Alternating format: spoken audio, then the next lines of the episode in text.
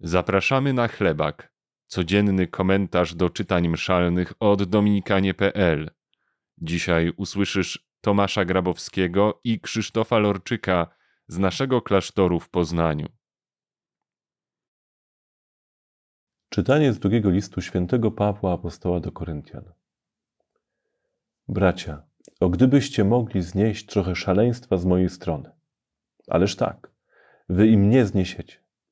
Jestem bowiem o was zazdrosny boską zazdrością. Poślubiłem was przecież jednemu mężowi, by was przedstawić Chrystusowi jako czystą dziewicę.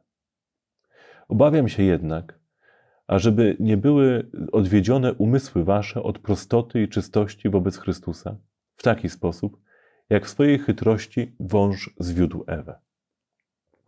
Jeśli bowiem przychodzi ktoś i głosi wam innego Jezusa, jakiego wam nie głosiliśmy, lub bierzecie innego ducha, którego nie otrzymaliście, albo inną Ewangelię, nie tę, którą przyjęliście, znosicie to spokojnie.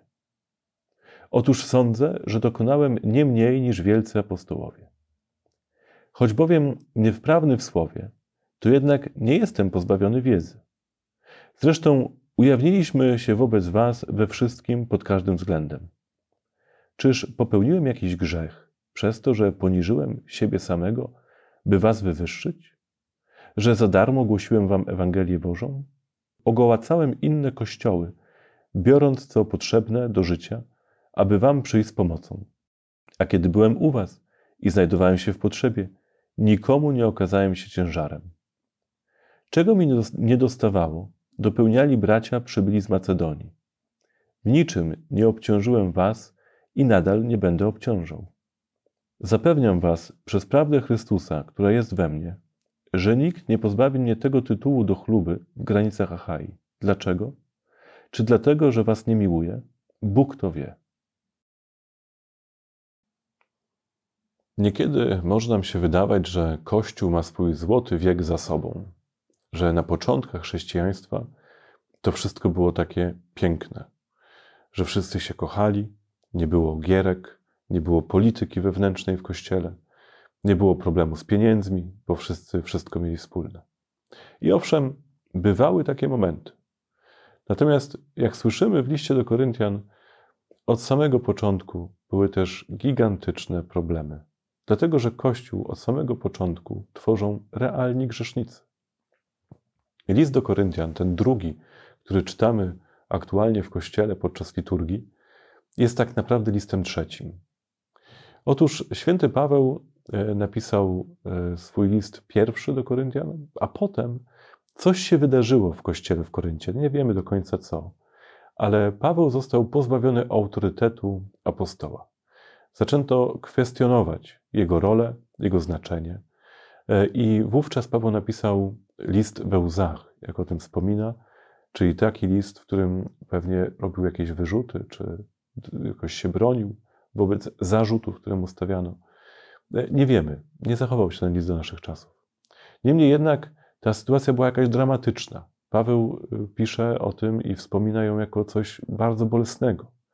Został odtrącony przez wspólnotę, której przecież głosił Chrystusa, którą razem z Apolosem budowali.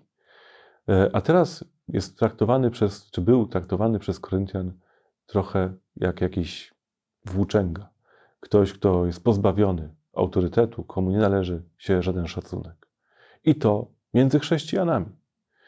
Ten list, który czytamy, jest już listem, kiedy Koryntianie z Pawłem się pogodzili. Ale Paweł wraca do tamtej historii.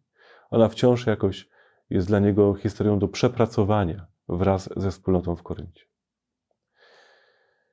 Żeby nie być podobnym do Koryntian, to trzeba posłuchać świętego Pawła, jakie on daje lekarstwo na to, żeby nie zwariować wobec własnych pożądań, własnych ciągot do tego, żeby Ewangelię ukształtować na własną miarę. Paweł mówi: Nie ma innego Chrystusa niż ten, którego wam głosiliśmy. Nie ma innej Ewangelii niż ta, którą usłyszeliście od nas. To, co otrzymaliście od apostołów, a więc też ode mnie, jest czymś niepowątpiewalnym i czymś niezmiennym.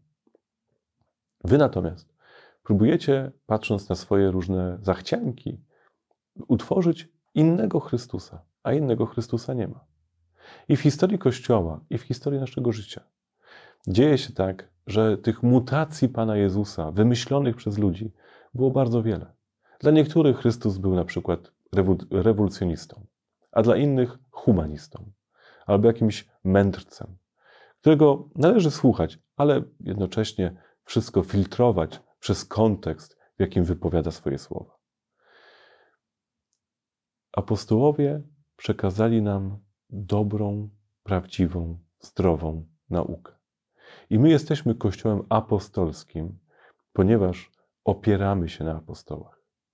I jesteśmy Kościołem apostolskim tak długo, jak naukę apostołów przekazujemy dalej. Przekazujemy w tradycji.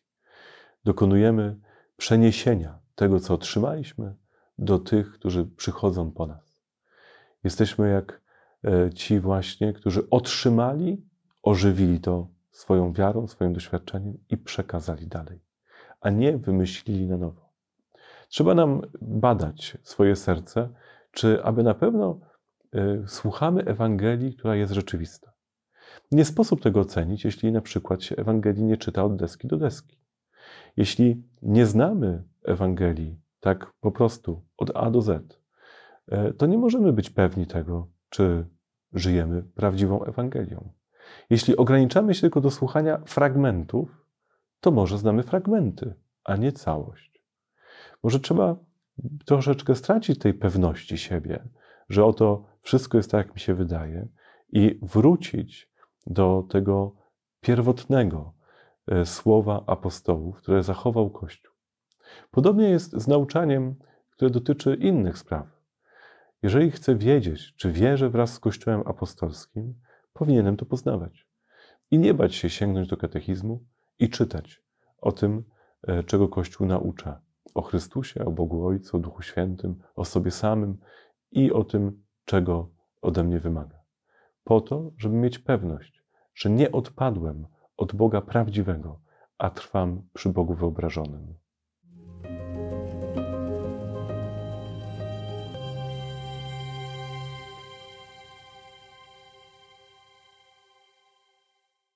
Z Ewangelii według świętego Mateusza. Jezus powiedział do swoich uczniów: Modląc się, nie bądźcie gadatliwi jak poganie. Oni myślą, że przez wzgląd na swe wielomóstwo będą wysłuchani. Nie bądźcie podobni do nich. Albowiem wie Ojciec Wasz, czego Wam potrzeba, zanim Go jeszcze poprosicie. Wy zatem tak się módlcie. Ojcze nasz, któryś jest w niebie, niech się święci Twoje imię, niech przyjdzie Twoje królestwo, niech Twoja wola się spełnia na ziemi, tak jak i w niebie. Naszego chleba powszedniego daj nam dzisiaj i przebacz nam nasze winy, tak jak i my przebaczamy tym, którzy przeciw nam zawinili. I nie dopuść, abyśmy ulegli pokusie, ale nas zachowaj od złego. Jeśli bowiem przebaczacie ludziom ich przewinienia i wam przebaczy Ojciec Wasz Niebieski. Lecz jeśli nie przebaczycie ludziom, Ojciec Wasz nie przebaczy wam także waszych przewinień. Ile razy słyszałem e, podczas rozmów z ludźmi, e, że nie mają czasu się modlić. E, I to prawda, że jesteśmy zabiegani, to prawda, że mamy często mnóstwo obowiązków, to prawda, że mama kilkoro dzieci no jest cała tam zabiegana. To prawda. Ale za każdym razem, kiedy ta nasza rozmowa jakby dojdzie do tego punktu, to, to zawsze proszę, żebyśmy spróbowali zrobić jedną rzecz. Nie odmawiamy modlitwy Ojcze Nasz, żebyśmy to odmówili wspólnie. I nagle okazuje się, że to jakieś 25-27 sekund. Może trzeba zacząć e, tą naszą szkołę i drogę modlitwy e, od tych 25-27 sekund. To nie jest modlitwa byle jaka. To nie jest modlitwa ani za krótka. To nie jest modlitwa ani za długa. To jest modlitwa, której nas nauczył Pan Jezus, bo ona dla Niego jest jakoś szczególnie ważna. Myślę, że też ważna jest dla nas. E, spróbuj, jak nie masz czasu, rano, w południe i wieczorem e, odmówić tą modlitwę Ojcze Nasz. To jest chwila. Zatrzymaj się na chwilę. Spróbuj trochę wejść do swojego serca i pójść za tymi słowami, które zostawił nam Pan Jezus, których nas nauczył. E, to jest zwyczajna, prosta, piękna i Boża modlitwa. Warto od tego zacząć. E, być może zwłaszcza wtedy, kiedy wydaje ci się, że nie masz czasu się modlić.